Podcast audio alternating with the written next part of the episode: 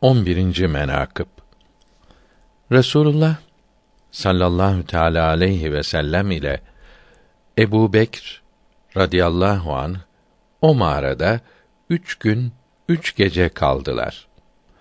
Ebu Bekr radıyallahu an o mağaranın tavanında bir kuş gördü ki yerinden hareket etmeyip bir şey yemez ve su içmez. Ebu Bekr radıyallahu anh dedi ki, Ya Resulallah, bu kuşa ben hayranım.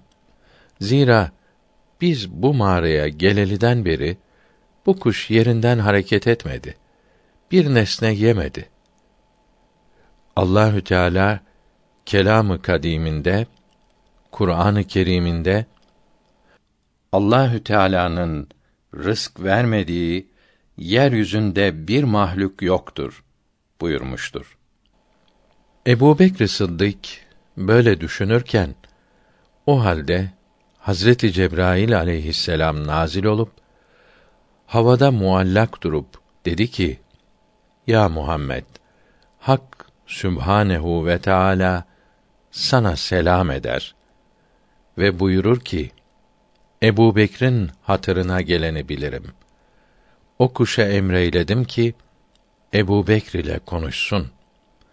Ebu Bekre söyle ki o kuş ile söyleşsin dedi. Resul Ekrem Hazretleri Ebu Bekre Hazreti Cebrail'in sözünü açıkladıkta Ebu Bekr radıyallahu an sevinip ileri vardı.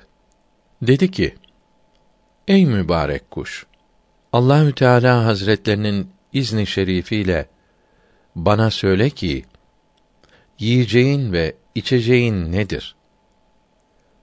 O kuş ağlayıp bir zaman kendinden geçip yere düştü. Sonra ayılıp kalktı.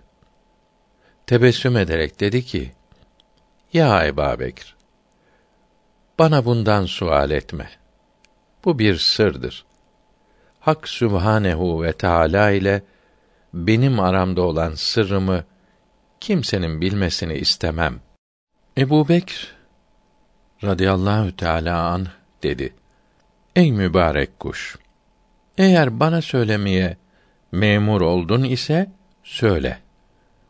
Kuş dedi, malumun olsun ki, Hazreti Adem aleyhisselam yaratılmazdan iki bin yıl evvel, Hak Sübhanehu ve Teala beni halk etti, yarattı. Yiyeceğimi ve içeceğimi iki kelime eyledi.